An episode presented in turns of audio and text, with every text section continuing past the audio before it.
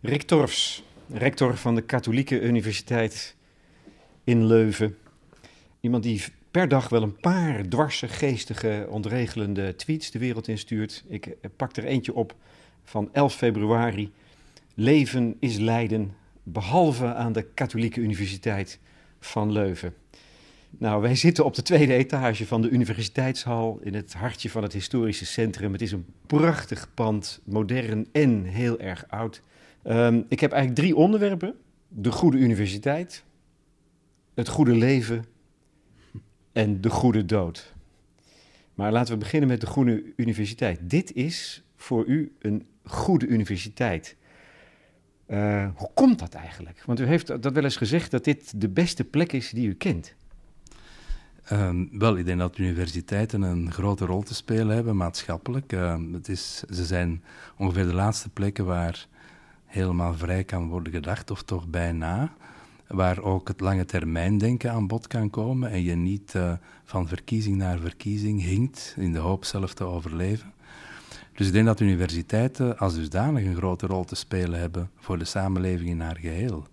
Dat ze dus uh, ja, niet alleen thema's aanraken die een beetje duurzaam zijn en uh, ja, wat tijd vergen, maar dat ze er ook kunnen in slagen om jongeren echt te vormen. En daarmee bedoel ik dan en niet alleen uh, leren hoe ze succesvol kunnen zijn, maar ook hoe ze succesvol geen succes kunnen hebben. Ook dat is heel belangrijk. Want ja, het leven is natuurlijk ook gewoon ellende. Uh, echt, echt scheidingen, ontslagen worden, uh, onbeantwoorde liefdes en zo.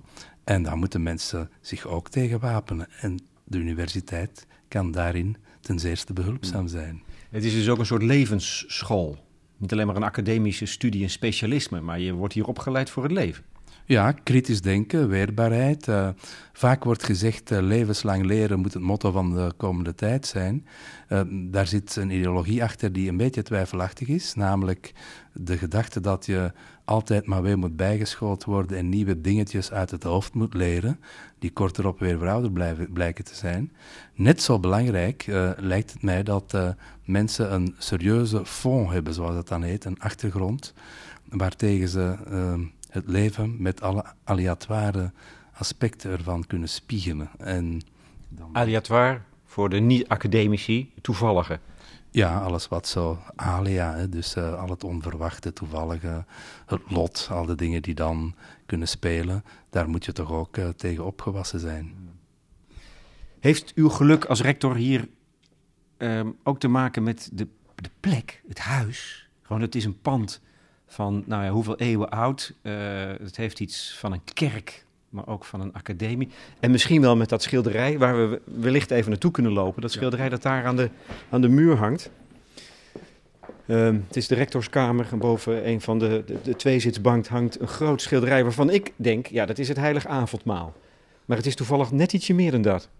Ja, want de mensen zijn soms uh, iets uh, schoftiger dan op zo'n heilige moment zou worden verwacht. Het is een schilderij van Gortius uit het uh, einde van de 16e eeuw. En je treft daar een aantal historische figuren van toen op aan. Don Juan, die de rol van Christus speelt. Dat is toch een blasfemisch dan meteen, of niet?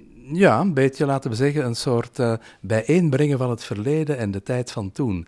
Willem van Oranje staat er ook op als een uh, zeer welwillend en vriendelijk man, terwijl Alva met de beurs de rol van Judas speelt en ook de toenmalige rector Baius en een aantal um, professoren prijken op dit schilderij, omdat het eigenlijk werd gemaakt voor het Pauscollege, en van de oudere colleges van de universiteit. Nu is het wel zo dat ik dit schilderij, toen ik aantrad uh, vorig jaar, uit de reserves heb laten halen, want de vorige rectoren hadden het niet meer hangen. Hier gingen dan uh, ja, werken van 1980 van experimentele schilders en zo, waar ik niks op tegen heb. Maar als je een verleden hebt, mag je het ook wel tonen. maar het is wel stout om dit dan op te hangen. Als je weet dat dat een soort sleutelfiguren zijn. Die combinatie, of de, het samenvallen van Don Juan en Jezus. Ja, dat had ik nog niet eerder uh, gezien. Het is eigenlijk een vrij traditioneel schilderij. Zoals we dat kennen. Uh, met de discipelen, Jezus met de discipelen, hij breekt het brood. Wat, wat zegt dat? Wat betekent dat eigenlijk? in uw ogen? Voor mij betekent dat dat uh, wij in de 16e eeuw veel lef hadden.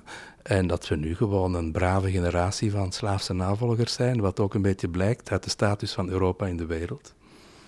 Dus het gaat om de rebellie die hier uitspreekt. De vrije geest, de rebellie, de anarchie.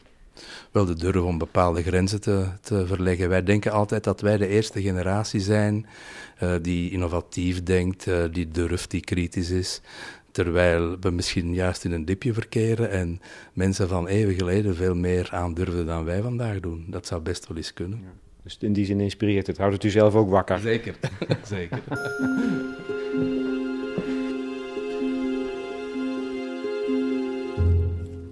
Terugkomend op dat thema van de, de goede universiteit.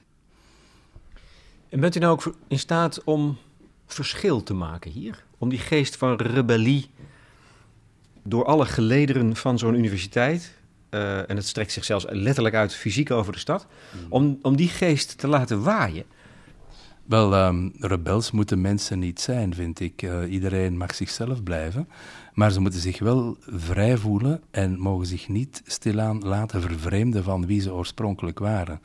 Dus um, ik denk dat een van de grote taken van een bestuursploeg aan een universiteit is om um, mensen ten volle creatief te laten zijn, ongehinderd door allerlei barrières.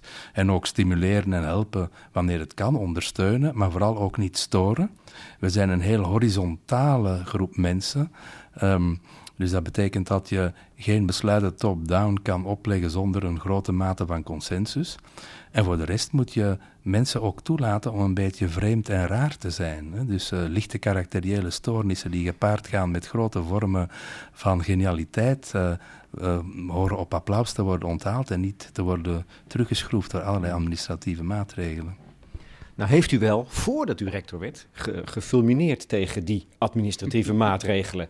En ik hoef er alleen maar dit boek, dat nu op tafel ligt, bij te pakken. Rick Torfs, Wie gaat er dan de wereld redden?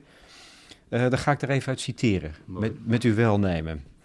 Um, een citaat dat uit het tweede essay komt over normen en waarden. Nou, ik lees het even voor. Mm Zero tolerance is vooral een wapen voor de mens die naar zekerheid streeft. Wat op zichzelf een tragische gedachte is.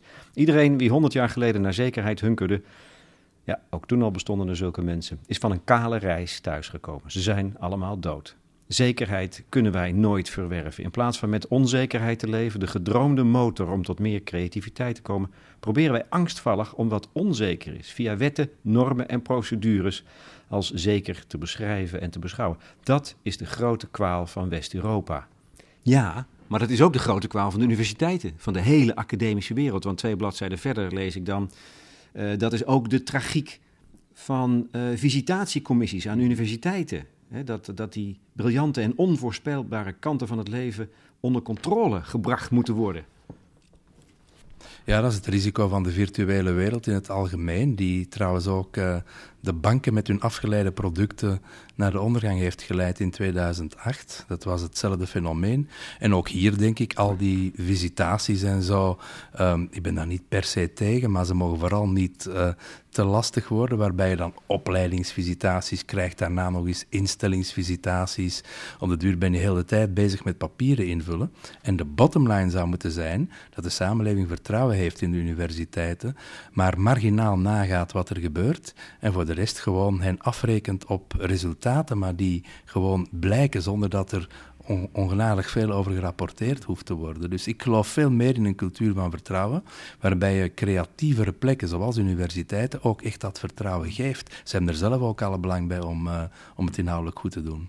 Wat je om je heen ziet, om zich heen grijpen, de angst voor fouten, de angst voor uh, dat iets mislukt of misgaat. En dat wij dus proberen alles, zeker vanuit de politiek, zeg maar, daar totale controle over te krijgen.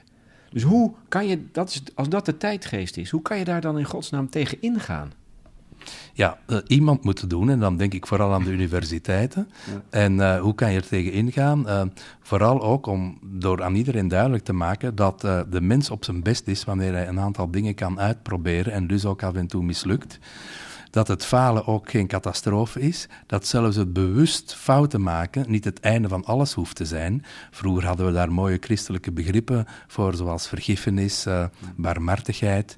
En uh, die lijken vandaag in een tijd van lik op stuk een beetje afstands, maar ik wil hen toch een beetje in ere herstellen en de schoonheid ervan zeker in heel, heel, sterk durven terug uh, naar voren brengen.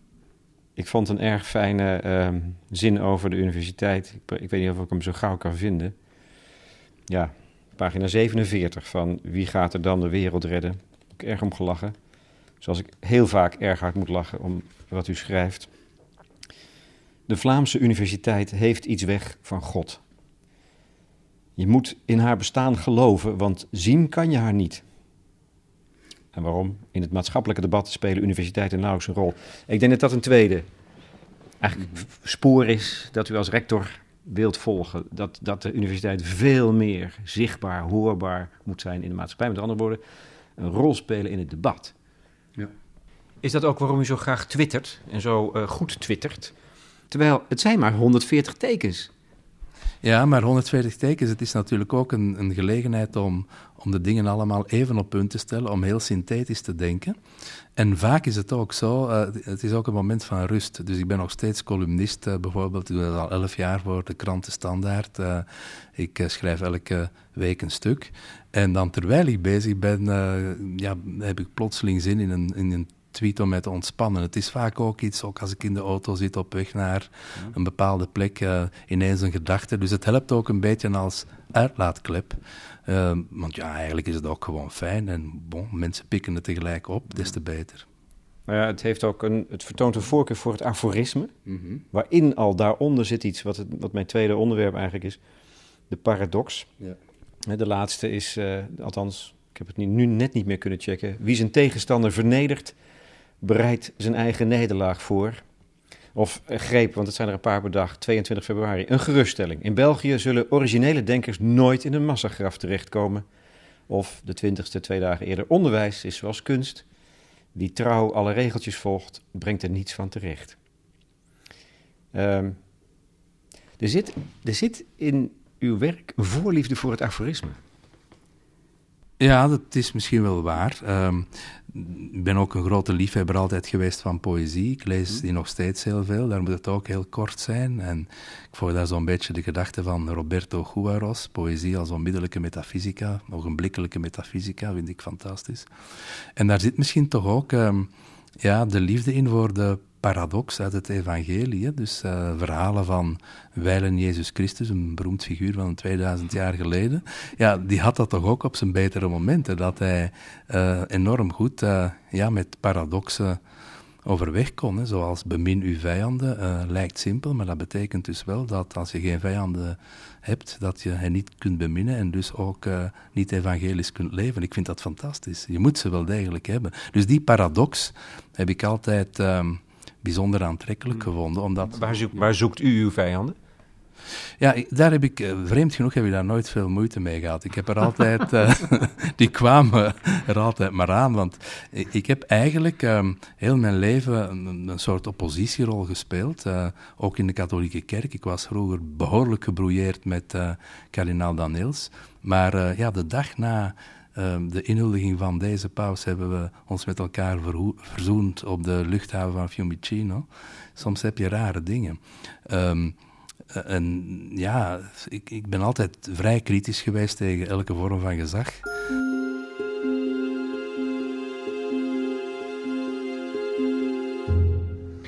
Maar goed, terug naar dat idee van de, de paradox. Hè, die, vind, die, die vindt u in het evangelie, juist de, de, de aforismen die geladen zijn op een paradoxale manier. Hmm. Waarom is dat zo belangrijk? Wat is de kracht daarvan? En wat, wat het gaat verder dan, dan een, een spel of een, uh, een, uh, een, spitsvondigheid. Nee, er zit volgens mij daarin zit een, eigenlijk een wezenlijke ervaring van het leven zelf. Dat is waar, daar ben ik het mee eens. Er zit zeker de gedachte in dat je uh, moet proberen te leven met en ook zelfs gelukkig zijn met het onopgeloste. Dus dat je daar kan in wonen, vrede kan meenemen, dat je dus geen finale oplossing wil voor alle levensproblemen. En uh, ook een uh, ja, gedachte van Schumpeter, de economist, die zei, ja, het toppunt van beschaving is je tomeloos in te zetten voor iets waarvan je desalniettemin de relativiteit inziet. Dat vind ik ook zo juist. En dat zit ook ergens in die paradoxen. Ja, je weet dat je de dingen toch niet opgelost krijgt, maar je moet je ondertussen wel hmm. keihard inzitten om er zoveel mogelijk van te maken. Uh, tegelijk, ja, als het niet lukt, uh, je speelt je kaarten, je doet je best en daarna ga je rustig weer slapen. Ik heb ook nog nooit een nacht wakker gelegen van, van uh, problemen over bestuur of zo. Hm? Nee, ik ben s'avonds altijd zalig moe en ik val in slaap terwijl ik denk aan de wereldkampioenschappen stijgen op de wielbaan van in, in, 19, Roucourt in 1963 of zo. altijd onbenullige dingen om mee bezig te zijn. Ik wil graag nog één citaatje uit uh, dat essay over normen en waarden lichten. Het gaat vaak over harde waarden. De harde waarden zijn niet bedoeld om het onmogelijke te verzoenen, wel om het draaglijk te mhm. houden en de tegenstellingen van hun scherp te, te, ontdoen. Daar gaat het eigenlijk voortdurend. En daar heb je wel morele moed voor nodig, juist om die paradox niet te ontvluchten. Dus dat is volgens mij het moeilijke. Mhm. Je hebt moed nodig. Ja, fortitudo in het Latijn, dan klinkt het nog serieuzer. Maar inderdaad, ehm, wat is bijvoorbeeld een, een, een, soort moeilijke situatie? Twee mannen kennen elkaar al jarenlang, denken elkaars vrienden te zijn. Mannen denken dat nogal makkelijk.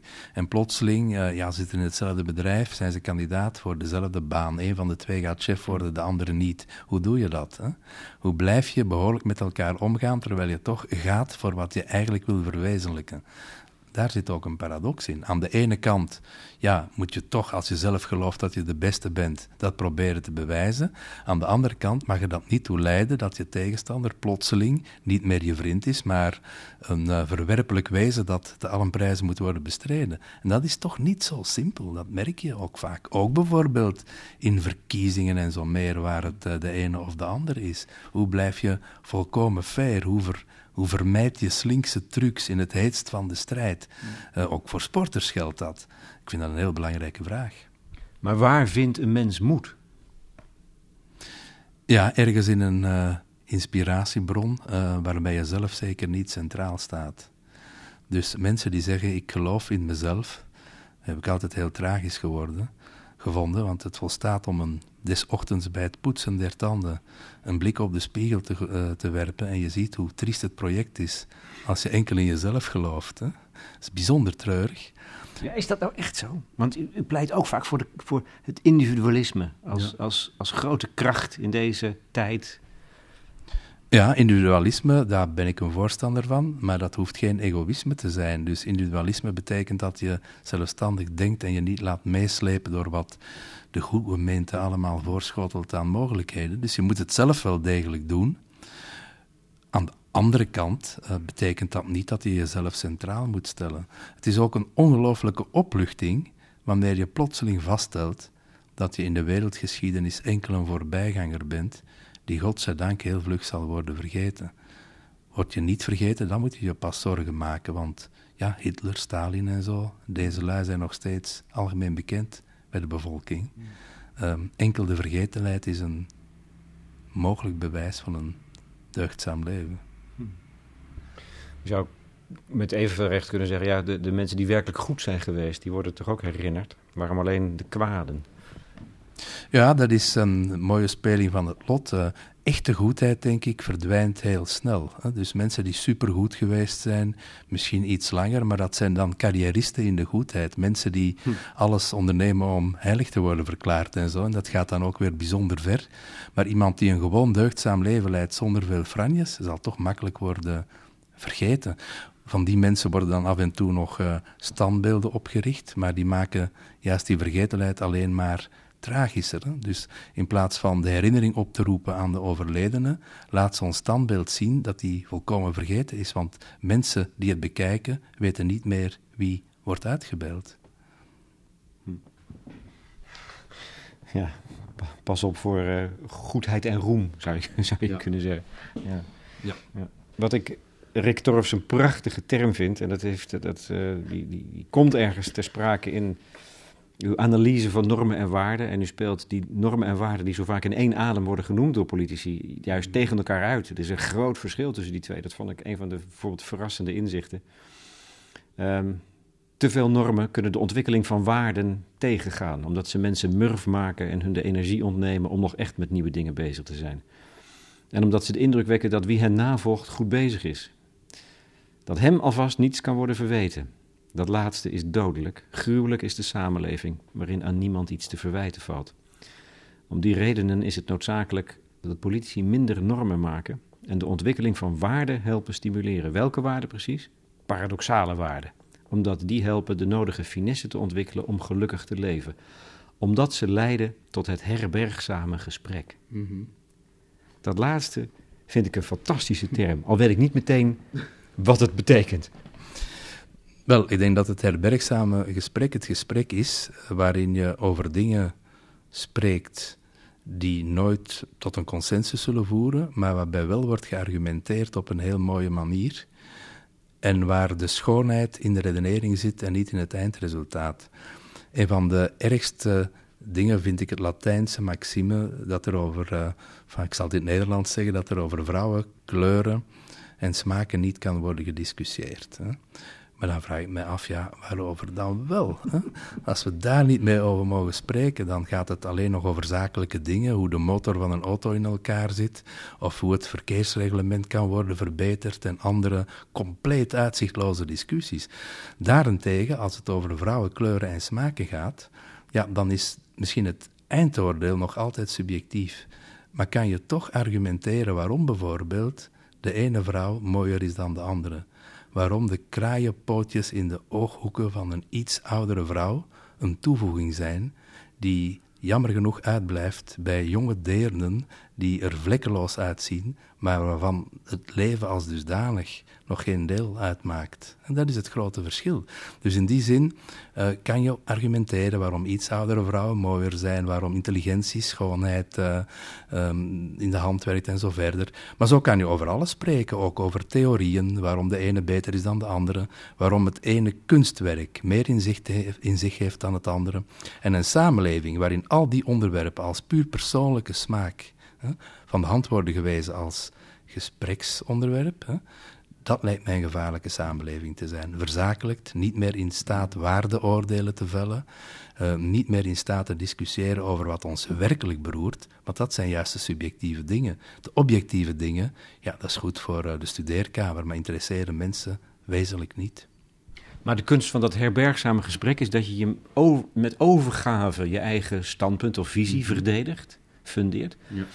Maar tegelijkertijd nooit uit het oog verliest dat de ander een ander standpunt in mag nemen. Maar dat is, dat, is, dat is de kunst volgens mij. Want die, aan de ene kant, je moet je overgeven aan je eigen ideeën. Dus waar is dan de ruimte om nog zicht te houden op, op een ander wereldbeeld bijvoorbeeld? Dat is inderdaad niet simpel, want naarmate iemand meer overtuigd is van zijn eigen gelijk, wordt het moeilijker de vrijheid van de ander te accepteren. Toch zou je moeten beseffen dat je eigen gelijk alleen maar groter kan worden, bij manier van spreken, of uh, vollediger door juist de ideeën van anderen te integreren. Uiteindelijk evolueren wij altijd in ons denken. Door het gesprek met anderen, en niet altijd ten goede, ook dat vind ik belangrijk. Mensen denken altijd dat ze vandaag scherper denken dan twintig jaar geleden, terwijl ze misschien gewoon zijn op achteruit gegaan. Ook dat mogen we nooit, uh, nooit uit het oog verliezen. Ja, hoe weet je dat, hè?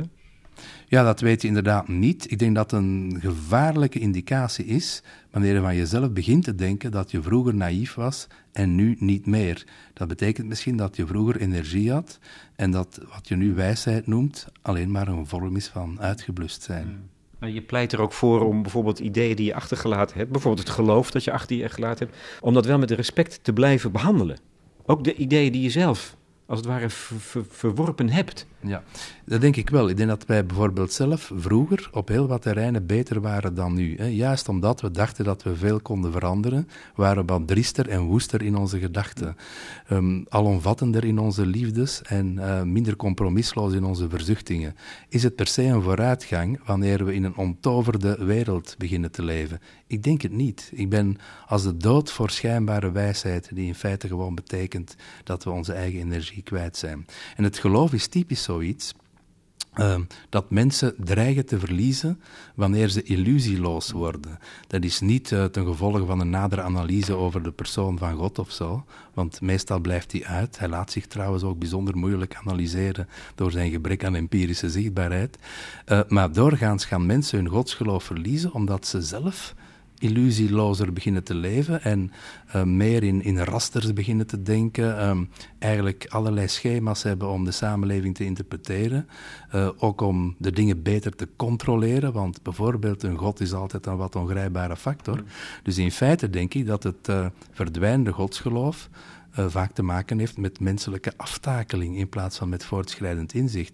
Misschien is het ook andersom, want ik moet mijn eigen theorieën ook blijven volgen. Maar die hypothese moeten we minstens onder ogen durven te zien. En als het gaat om de vraag waar een mens individueel moed vandaan haalt. Um, en u zei net dat, dat, dat hij dat moet halen uit iets wat groter is dan hij, dan hij of zij zelf. Kan het dan ook iets anders zijn dan dat geloof waarin een grote mate van onzekerheid en twijfel zit ingebakken? Ja, dat kan ook gewoon overgave zijn aan de geschiedenis. Uh, ook contemplatie, het pure schouwen. Hè? Dus uh, zoals in het Taoïsme. Het kan ook een soort uh, bewondering zijn voor de natuur. Um, het kan ook uh, een soort liefde zijn voor de kunst, die toch ook onvergankelijke aspecten heeft. Er kunnen heel wat manieren zijn om jezelf niet centraal te stellen. En allemaal maken ze toch enigszins gelukkiger. Ze hebben dus inderdaad gemeen dat ik zelf niet het middelpunt van de samenleving moet zijn. Dat is een heel mooie bevrijdende gedachte.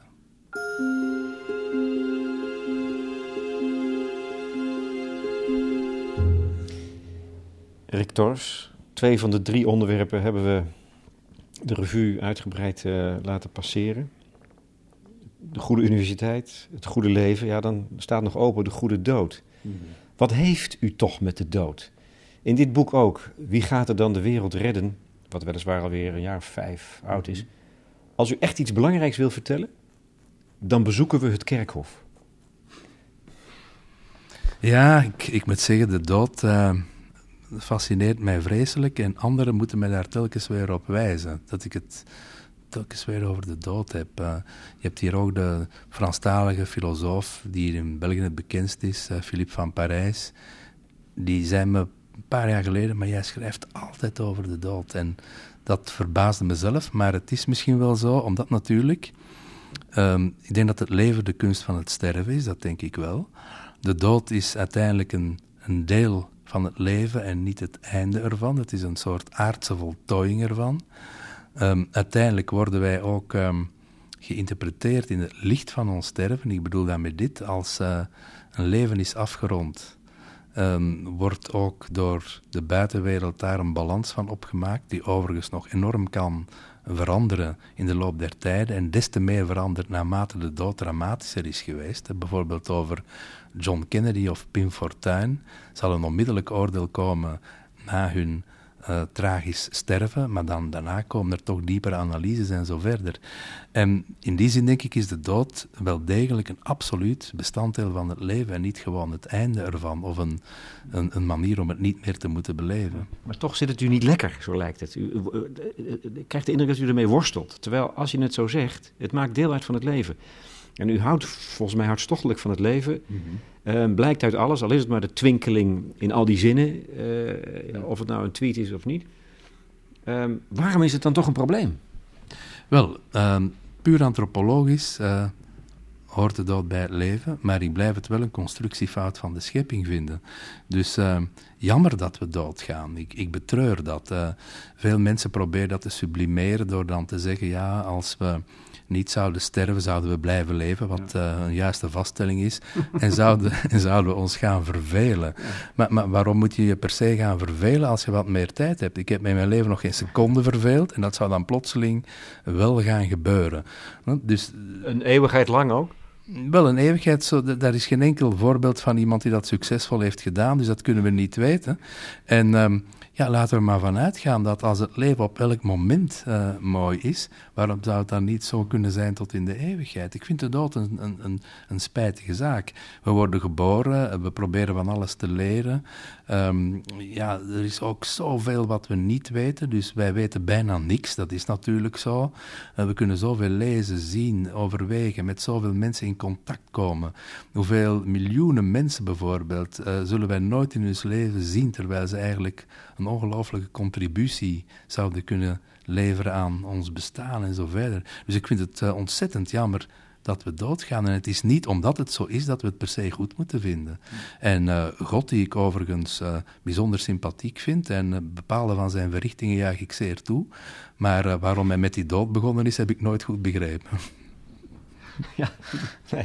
Ja, misschien is hij daar ook wel nooit mee begonnen. Wie, wie zal dat zeggen? Um, tegen Annemiek Schrijver zei u: uh, Ik zie mezelf als een toekomstig overledene. Mm -hmm. Als, alsof dat perspectief, dat is er voortdurend. Alsof je met dat, met dat perspectief naar je eigen leven kijkt. Ja, ik denk dat dat ook uh, de enige juiste manier is. Hè. Dus uh, dat is toch zo. We zijn allemaal toekomstige overledenen. Ik vind dat ook uh, soms fascinerend, zo van die grote groepsfoto's of, of, of, beelden van 100 jaar geleden. Iedereen is dood. Hè? En iedereen die daarop staat weet dat dat gaat gebeuren, maar niemand maakt er zich zorgen over. Hè? Ze lachen de camera toe alsof ze onsterfelijk zijn, terwijl die dood compleet on, onvermijdelijk is. Ik vind dat toch iets heel treffend. We kunnen ook niet met die gedachte elk moment leven, dat gaat niet. Aan de andere kant weten we toch dat het zo is. Uh, ja, is toch uiterst fascinerend. En als je zegt, ja, toekomstige overledenen, wel, uh, het grootste stuk van de wereldgeschiedenis zullen wij inderdaad overledenen zijn en niet levenden. Hè?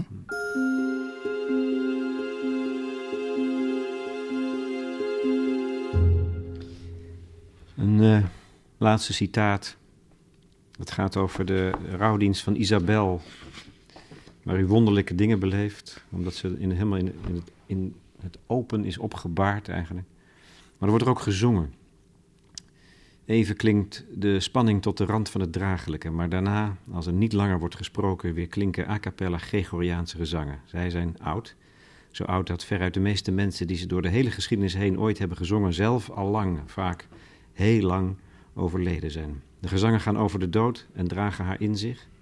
Ze beloven haar aan wie hen heden zingt. Dat is de kracht van Gregoriaanse gezangen. Ze dwingen je niet om op een heel persoonlijke manier dood te gaan, er iets speciaals van te maken, een laatste keer te schitteren om te worden geëerd door hen die overblijven. Gregoriaanse gezangen vragen niets, maar geven veel. Want in hun ritme zit de belofte dat de dode vertrouwen mag hebben. Vertrouwen waarbij het nauwelijks van belang is waarin. Mm -hmm. is toch een soort van troost die er op dat soort momenten mogelijk is. Ja, daar zit natuurlijk de gedachte van overgave in, hè, dat je het zelf niet meer moet uh, waarmaken. Dat uh, sterven ook iets is waarin je niet de eerste bent uh, die dat probeert te doen, dat er nog mensen dezelfde poging hebben ondernomen en daarin succesvol waren. dat vind ik op zich heel troostend. Ik, kijk uh, met enig argwaan naar hedendaagse uitvaarddiensten waarbij het allemaal superpersoonlijk wordt. Waarbij het niet gaat over de dood en het sterven, maar over de persoon van de overledene. En vaak soms heel banale anekdotes worden aangehaald. En bijvoorbeeld recent uh, bij het overlijden van een student werd gezegd, uh, herinner je je nog, ons weekend in Barcelona, je vergat uh, de sleutels op je kamer en we moesten die bij de receptie terug gaan halen. Dat is allemaal heel lief en schattig, maar uiteindelijk dat soort anekdotes zegt misschien veel minder over een concreet mens dan iets wat abstracter klinkt, zoals schitterende Gregoriaanse muziek. Dus in de anekdote wordt de mens misschien kleiner in plaats van groter, worden details overschat en wordt onze ultieme lotsbestemming onderbelicht.